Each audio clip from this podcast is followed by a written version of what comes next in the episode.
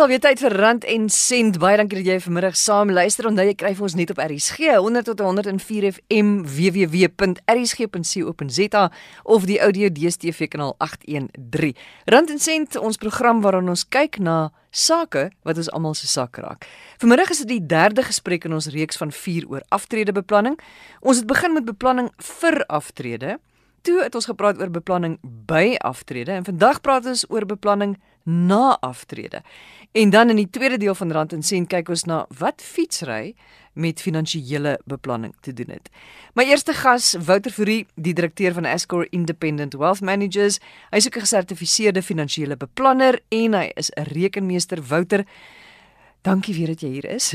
Ons praat oor beplanning na aftrede. Dit is nou nogal iets waarna mense nou nie sommer dink nie, want jy beplan mos nou vir jou aftrede en na jou aftrede toe, maar jy sê dis baie belangrik dat 'n mens nie moet ophou beplan nadat jy afgetree het nie, want nou sit jy skielik met 'n hele klomp pensioengeld wat jy slim moet belê. So, wanneer sou jy dan nou sê moet 'n mens begin met jou beplanning na aftrede?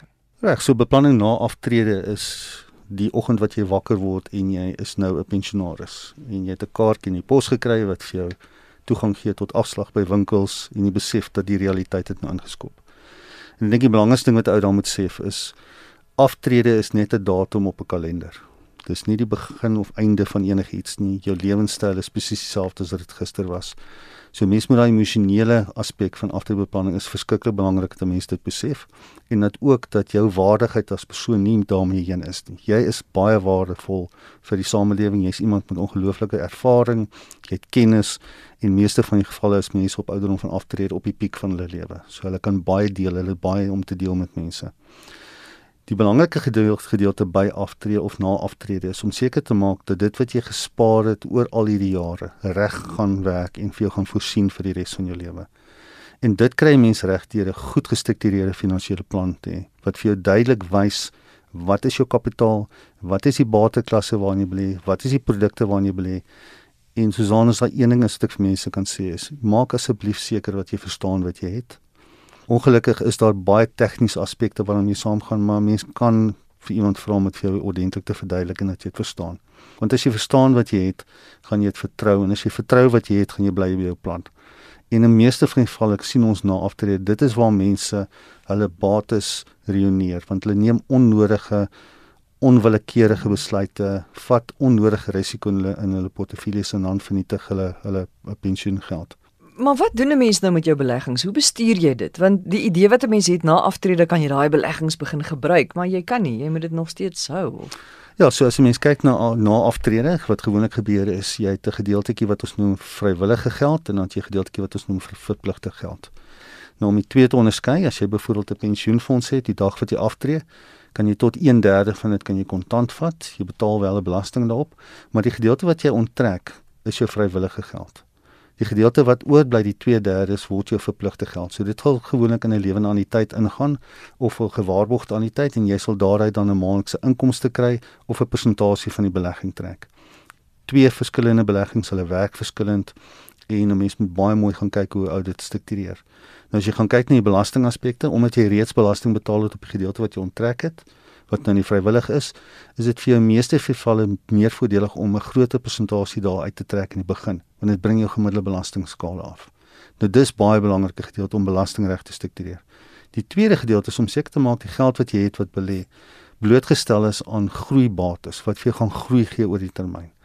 Want dit maak nie sin dat jy geld belê in 'n geldmarkrekening byvoorbeeld, jy kry 1% bo-inflasie en as jy belasting aftrek dan verdien jy eintlik minder as inflasie. So jy gaan nie byhou met die koopkrag van van van jou geld nie. Hmm. So die batesamestelling van jou portefeulje is baie belangrik en weer eens verstaan wat jy het. Praat met jou finansiële adviseur. Gaan gesels met meer of een, meer as een as jy nie seker is nie. Maar ergens moet jy seker wees dat jy verstaan wat jy het en dat jy vertroue het in jou beleggings. En dan moet jy nou seker die goed hersien ook. Jy moet gereeld gaan sit wat een keer 'n jaar en dan moet jy kyk wat het ek en hoe moet ek dit verander, hoe moet ek dit aanpas? Ja, so ek dink die eerste ding wat jy moet vermy is om elke dag na die belegging te kyk want dit gaan jou net kopseer, maagseer en ander pynne gee. En dit gee mediese kostes opjaag wat nie nodig is na aftrede nie. Maar wat baie belangrik is, is dat mens moet jaarliks gaan kyk na jou begroting wat jy het en dan te gaan kyk na die geld wat jy trek uit jou belegging uit. En dan saam met jou finansiële adviseur te gaan sit en gaan kyk hoe moet jy jou portefeulje aanpas om seker te maak dat jy kapitaal gaan hou vir 'n langer termyn. Nou hierdie gesprek kan in baie gevalle kan nie 'n aangename gesprek vir jou wees nie want as jy te veel geld trek van jou beleggings in die begin, gaan 'n goed gekwalifiseerde en 'n professionele adviseur ook vir sê jy moet minder trek uit jou portefeulje uit. Wat beteken dat jy moet gaan teruggaan en weer aan jou begroting gaan werk. So as jy 'n jaarlikse hersiening doen, maak seker jou begroting is opgedateer dat jy gaan met die inligting wat jou adviseur nodig het om jou by te staan en jy moet ook die verhouding met adviseur kan hê dat hy vir jou kan sê jy is nou oortrokke op jou belegging. Jy moet nou begin in inperk anders gaan jou kapitaal nie hou vir langtermyn nie. So daai jaarlikse hersiening is verskriklik belangrik in enige portefeulje. Maar wanneer besluit jy dat jy jou belegging sê nou maar gaan eindig of tot niet maak en jy gaan daai geld in 'n spaarrekening uh, laat oordra?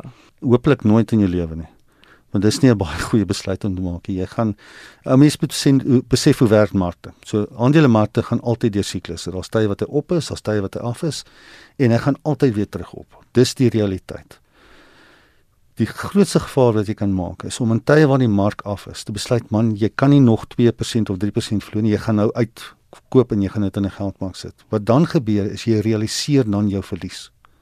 As jy net bly in die portefeulje en jy gaan deur die siklus, dan sien jy oor die jare as jy uit daai posisie uit en dan die portefeulje weer beter gegroei. Maar wat as jy afgetree is en jy het daai geld nodig? Kyk, die maandelikse geldjies wat jy nodig het, moet jy voorbegroot en dit moet in jou portefeulje ingebou word. So 'n mens neem aan dit is maandelikse onttrekkings is anders as 'n lompsom onttrekking. So die maandelikse gedeelte sal in afval ingewerk word in jou portefeulje, maar nie die lompsom wat jy wil trek nie. So jy moet baie versigtig wees om daai twee te verwar jy sê dit is baie belangrik om seker te maak in 'n vorige gesprek dat jy jou mediese fonds behou na aftrede. Dat jy nie moet begin want ek mense gaan mos nou kyk waarop kan ek nou bespaar? En mense is seker in die versoeking om te sê ag, weet jy, ek gaan nou maar die mediese fonds los want dit is so want dit is duur. Die medies is 'n realiteit van ons lewe. Dit is 'n duur uitgawe ongelukkig. Maar ek moet weer eens sê ek is 22 jaar in praktyk en ek kan eerlikwaar sê dis seker die bate of die uitgawe wat jy die wat die belangrikste is om voor te beplan na aftrede. Na aftrede is jy dalk nie onmiddellik 'n persoon wat afhanklik gaan wees van 'n mediese, maar later dan gaan jy sien hoe kragtig is 'n mediese fonds om vir jou te voorsien vir dag tot dag mediese uitgawes en ook daai groot operasies wat 'n mens nie verwag nie. Die realiteit is ook dat as jy by 'n mediese fonds wag om aan te sluit by 'n mediese fonds, is daar 'n wetgewingsklausules ingeskryf wat jou 'n hoër persentasie gaan laat betaal. Hulle noem dit 'n late joiner penalty. Met ander woorde, jy kan as jy nie 'n mediese het nie, jy kom eers by aftrede en jy wil dan in 'n mediese ingaan, kan jy tot 100% meer betaal vir jou mediese fonds. En as ons gaan kyk na statistieke ook, hoe verder jy in ouderdom in beweeg, hoe meer afhanklik raak jy van van medikasie. En dan kan dit tot 50% van jou maandelikse uitgawes kan wees om medisyne en en doktersbesoeke ensovoorts te te befonds en die groot uitgawes wat enige begroting en enige pensioen kan op sy knieë bring is groot hospitaalonkoste as jy nie 'n mediese fonds het nie. So as daar een stukkie advies is as ek vandag kan afsluit is dat mense moet doodseker maak dat hulle voorsiening maak vir vir mediese fonds en selfs voor aftrede dalk 'n aparte anniteit of wat ook al in belê wat gaan hulle wat sorg vir hulle hulle uitgawes vir hulle mediese koste as hulle ouer is. Wouter 'n laaste woord van advies wat jy het jy het baie kliënte wat in hierdie bootjie sit wat is jou laaste woorde jou laaste raad aan ons? Dink die laaste raad wat ek kan gee is jy moet jouself opvoed in hierdie proses. Ehm um, gaan lees daaroor doen navraag. Dis jou geld, dis jou lewe, dis jou pensioenfonds. As jy nie beheer vat daaroor nie, niemand anders te gaan dit namens jou doen nie. Maak nie saak hoe lief jou ma of jou pa vir jou is nie. Dis jou verantwoordelikheid om om te sien na jouself. En veral waar mense in 'n gesinsverband is, as 'n man en 'n vrou of 'n um, ehm, wat ook al die verhouding is, deel dit met mekaar dat jy weet presies waarvoor jy in is.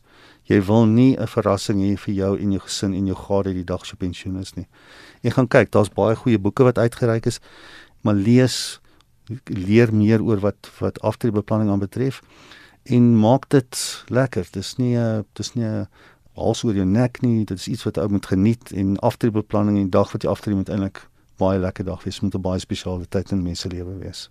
Wouter baie dankie Wouter vir die direkteur van Escor Independent Wealth Managers, skrywer van die Ultimate Guide to Retirement in South Africa en 'n gesertifiseerde finansiële beplanner en rekenmeester. Volgende Sondag dan ons laaste gesprek met Wouter en dan gaan ons kyk na boedelbeplanning.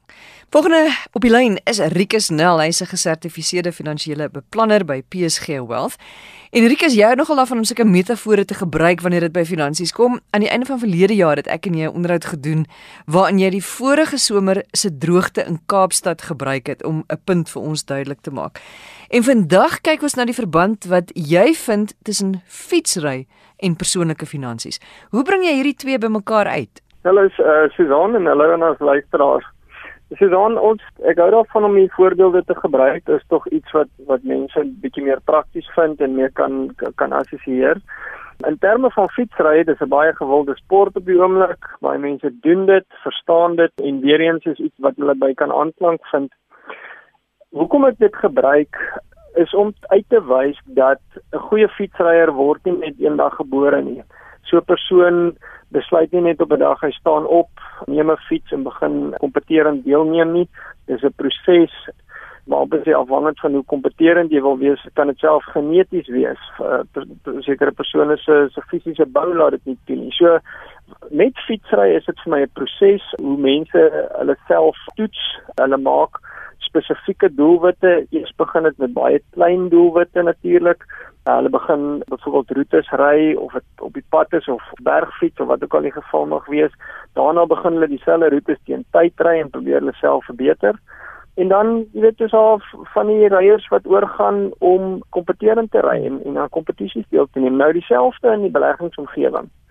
Dit is nie moontlik om kompeterend te wees of om te dink jy's 'n professionele of ehm, 'n um, welvarende belegger as jy nie 'n roete al geloop het met beleggings of foute gemaak het, van daai foute geleer het en dit definitief nie herhaal nie en beter beleggings maak. En en mense begin maar basies deur klein haalbare doelwitte te vir hulle self te stel.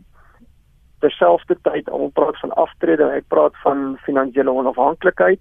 Daai finansiële onafhanklikheid is 'n lang proses dis 'n leerproses en persone moet besef dat hulle moet blootstelling kry daaraan.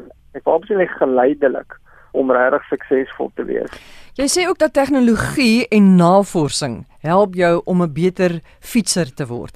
So wat sê jy daarmee dat jy tegnologie gebruik en navorsing om dan ook 'n beter belegger te word? Wat se wat se soort tegnologie? Al die tegnologie in fietsry gaan basies, uh, jy weet, om fietsse ligter te maak, miskien selfs uh, jy weet uh, meer aerodinamies om natuurlik vinniger te wees. Nou in die beleggingsomgewing probeer ons almal dieselfde doen. Ons probeer jy weet as 'n as 'n uh, persoonlike belegger probeer almal van ons, jy weet ons fooie so kompeterend onderhandel as moontlik. Ons het 'n persepsie van laer fooie is beter. Daar's onder andere passiewe oplossings wat deesdae voorgestel word met spesifiek die fokus op fooie. En dan gaan dit oor groei. Jy weet hoe groei mense beleggingsportefeulje vinniger as as in die verlede. En en rondom dit miskien net twee goeders. So die tegnologie wat eintlik uit fietsry gebruik word is maar eintlik weer 'n leerproses van wat het in die verlede gewerk, hoe kan hulle dit iets beter doen en presies dieselfde gebeur in die beleggingsomgewing. Ek wil net twee opmerkings maak moontlik rondom fooie. Een is beleggers voel meeste van die tyd laer fooie is beter. Nou goed, dit is 'n praktiese aanwending en dit maak logies sin. Maar goeie advies is duur vir kliënte, ons almal weet dit maar gemiddelde advies wil ek regtig vir beleggers sê moet hulle besef is heelwat duurder as goeie advies. En dan rondom net die groei, uh weer eens ons gebruik spoed maar as as 'n metafoor met fietsry om te sê jy hoe vinnig groei 'n portefeulje. Baie keer is beleggers bietjie afwers om risikobates in hulle portefeulje in te sluit omdat daar risiko's aan verbonde is en dit bring volatiliteit mee. Een van die grootste risiko's binne in so 'n portefeulje is inflasie en mense moet besef dat inflasie is die grootste rede hoekom mense in Suid-Afrika verarm. Jy verloor jou koopkrag en jy moet uh, genoegsame groeibates binne in jou portefeulje inbou om inflasie te te werk. So jy moet to toepaslike risiko neem. Jy moet dit jy moet definitief nie risiko vermy nie. Jy noem 'n paar punte waarop 'n mens moet let wat dan nou ook uit die fietsry wêreld uitkom. En die een is die soort fiets wat jy gaan kies om mee te ry. Die ander een is die roete wat jy beplan. Die ander een is die prestasie geskiedenis van die sê nou maar die fietses wat jy seker nou gebruik en dan ook jou jou remme en die helm wat jy dra en laastens praat jy ook van die fietses wat met batterye aangedryf word. Kan jy net kortliks vir ons deur alles gaan en net vir ons verduidelik wat jy bedoel? Ons begin by die soort fiets wat jy gebruik. Ek neem aan dis die soort hmm. dis die soort belegging wat jy maak. Ja, en wie gebruik as as uh jy weet produkoplossing of advies of wat ook al. Uh in in my uh, verwysingsraamwerk is 'n handelsmerk uh, dra baie gewig so handelsmerk het 'n reputasie opgebou, daar's bewyse dat hulle sekere verwagtinge aan kan voldoen. As iemand met 'n handelsmerk en ou kan miskien 'n fiets neem soos 'n Cannondale, daar's 'n sekere verwagting van so 'n fiets. Iemand betaal vir dit, dis duurder as 'n ander fiets, maar uh, daar is 'n bewys van sukses in daai uh, vervaardiger en presies dieselfde in beleggers maak seker die persone wat jy gebruik of van die beleggingskant of van die advieskant het 'n bewys van prestasie of van sukses en besef dat elke handelsmerk het 'n prys. Rondom die beplanning kan ek baie kort wees eintlik, uh, deur net te sê dit is 'n roete wat mense moet verstaan. Finansiële onafhanklikheid is 'n langtermynroete. Uh, hy gaan uh, hoogtepunte hê, hy gaan laagtepunte hê. Die laagste punte is deel van die beplanning jy kan nie op daai roete uitsit en suksesvol wees oor die lang termyn as jy heeltyd die laagste punte wil probeer vermy nie. Jy sal jou tydsberekening verkeerd kry. So volatiliteit gaan maar oor wisselvalligheid in die mark. Suksesvolle langtermynbeleggers gebruik volatiliteit om wins te maak. En as iemand markte verlaat tydens volatiliteit, hulle gaan net nie die resultate kry wat hulle gesoek het nie en, en sal teleurgestel wees. En dan die prestasie geskiedenis? Dit sluit vir my aan daar rondom die handelsmerk. Ek wil sê die prestasie van enige handelsmerk dryf eintlik maar maar die handelsmerk, jy weet, uh, handelsmerke wat nie suksesvol is nie verdwyn en en handelsmerke wat wat suksesvol is, uh, jy weet, styg na die podium toe. En dan die remme, jou remme en die helm wat jy dra ek verwys daarna uh, rondom die beskerming wat beleggers geniet en weer eens ek dink as jy uit die fietsgedeelte vat en besef dat jou valhelms en jou remme en uh, jy weet daar's baie ander maniere om jouself te beskerm is 'n leerproses gewees van vorige ervaring. So mense het geval, hulle kop gestamp, van die ryers het moontlik hulle lewe verloor en besef maar goed ons moet 'n 'n tipe van 'n kopbeskerming vir vir fietsryers ontwerp en en dit het daaruit voortgesprei.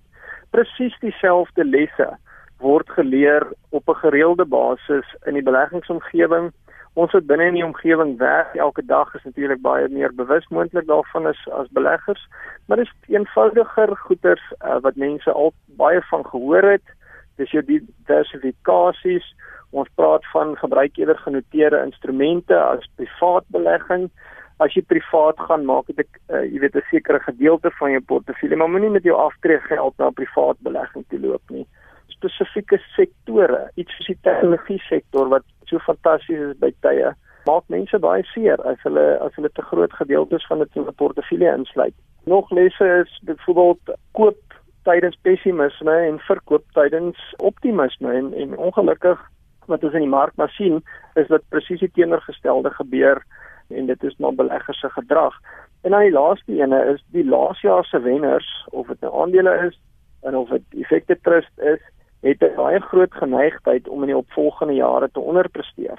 En weer eens is 'n les wat baie goed geken word in ons bedryf. Ongelukkig stroom die beleggingskapitaal na hierdie wenners van laas jaar toe en en stel beleggers te leer. So vir my die beskerming wat beleggers kan geniet, natuurlik is dit 'n keuse is om 'n finansiële adviseur te gebruik. Ons is baie bewus van hoe risiko ons beleggers toe om vir hulle dit dit voel baie keer dat 'n mens moontlik opbrengse prys gee, maar maar ons moet ook aan die onderkant dink. Hoe lyk dit as as uh, iets verkeerd gaan? Hoe vinnig ry 'n belegger? Jy weet, wat is die risiko's en hoe lyk so 'n situasie as uh, jy weet as daar 'n ongeluk is? En dan laastens praat jy van die hibriede fietses. So dit is fietses wat met batterye aangedryf word. Waarvoor is dit 'n metafoor in die finansiële wêreld? Jy weet as jy ou gaan kyk na die fietsse van vandag uh teenoor na die eerste fiets, dit is net 'n fantastiese ervaring om te sien hoe lyk 'n nuwe, ek wil nou die Engels gebruik, state of the art bergfiets. En te verstaan dit het 200 jaar gevat van die aanvanklike konsep om te kom tot waar ons is. Nou presies dieselfde gebeur in ons produkontwikkeling binne in die beleggingsomgewing. Daar's deeltyd nuwe uitvindsels en wat op die oomblik gebeur is, hulle praat maar van fintegnologie, finansiële tegnologie, raak dit moontlik om die beste van historiese, kom ons sê, produkte te vat en dit te kombineer. En dit is 'n baie opwindende uh, omgewing op die oomblik en en beleggers moet bewus raak dat daar is baie opwindende tipe van alternatiewe spesifiek in die aftreeomgewing uh, beskikbaar wat hulle uh, oor kan gesels met hulle finansiële adviseurs. Ek is net so ter afsluiting. Die jaar is nou al 'n entjie weg. Ons is al in die tweede maand van die jaar. Wat is jou boodskap aan beleggers of luisteraars wat uh, graag 'n geldjie wil spaar, wat graag wil belê en wat jy weet onseker is en miskien bekommerd is oor die toekoms van hulle geld of of net iets positiefs wat jy vir hulle wil sê?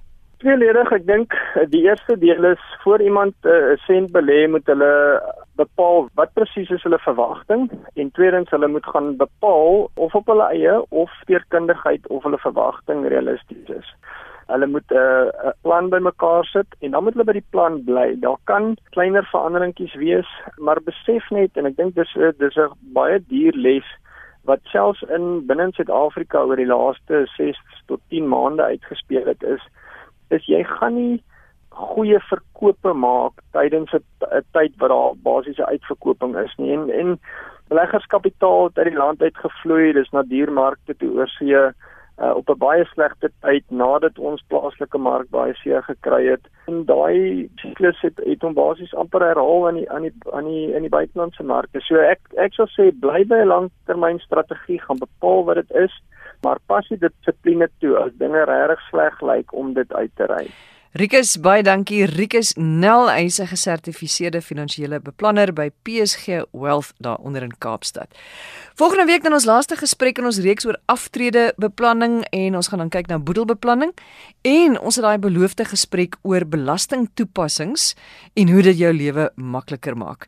As jy meer inligting soek oor enige van ons gaste op die program waarmee ek gepraat het, stein.se@gmail.com stuur gerus vir my 'n e-pos. En onthou ook al ons gesprekke is beskikbaar by www.rsg.co.za. Dan ook die herhaling van Rand en Sent op 'n Woensdagoggend 04:30. Baie dankie dat jy saam geluister het en ek hoop dit is 'n baie goeie week vir jou. Totsiens.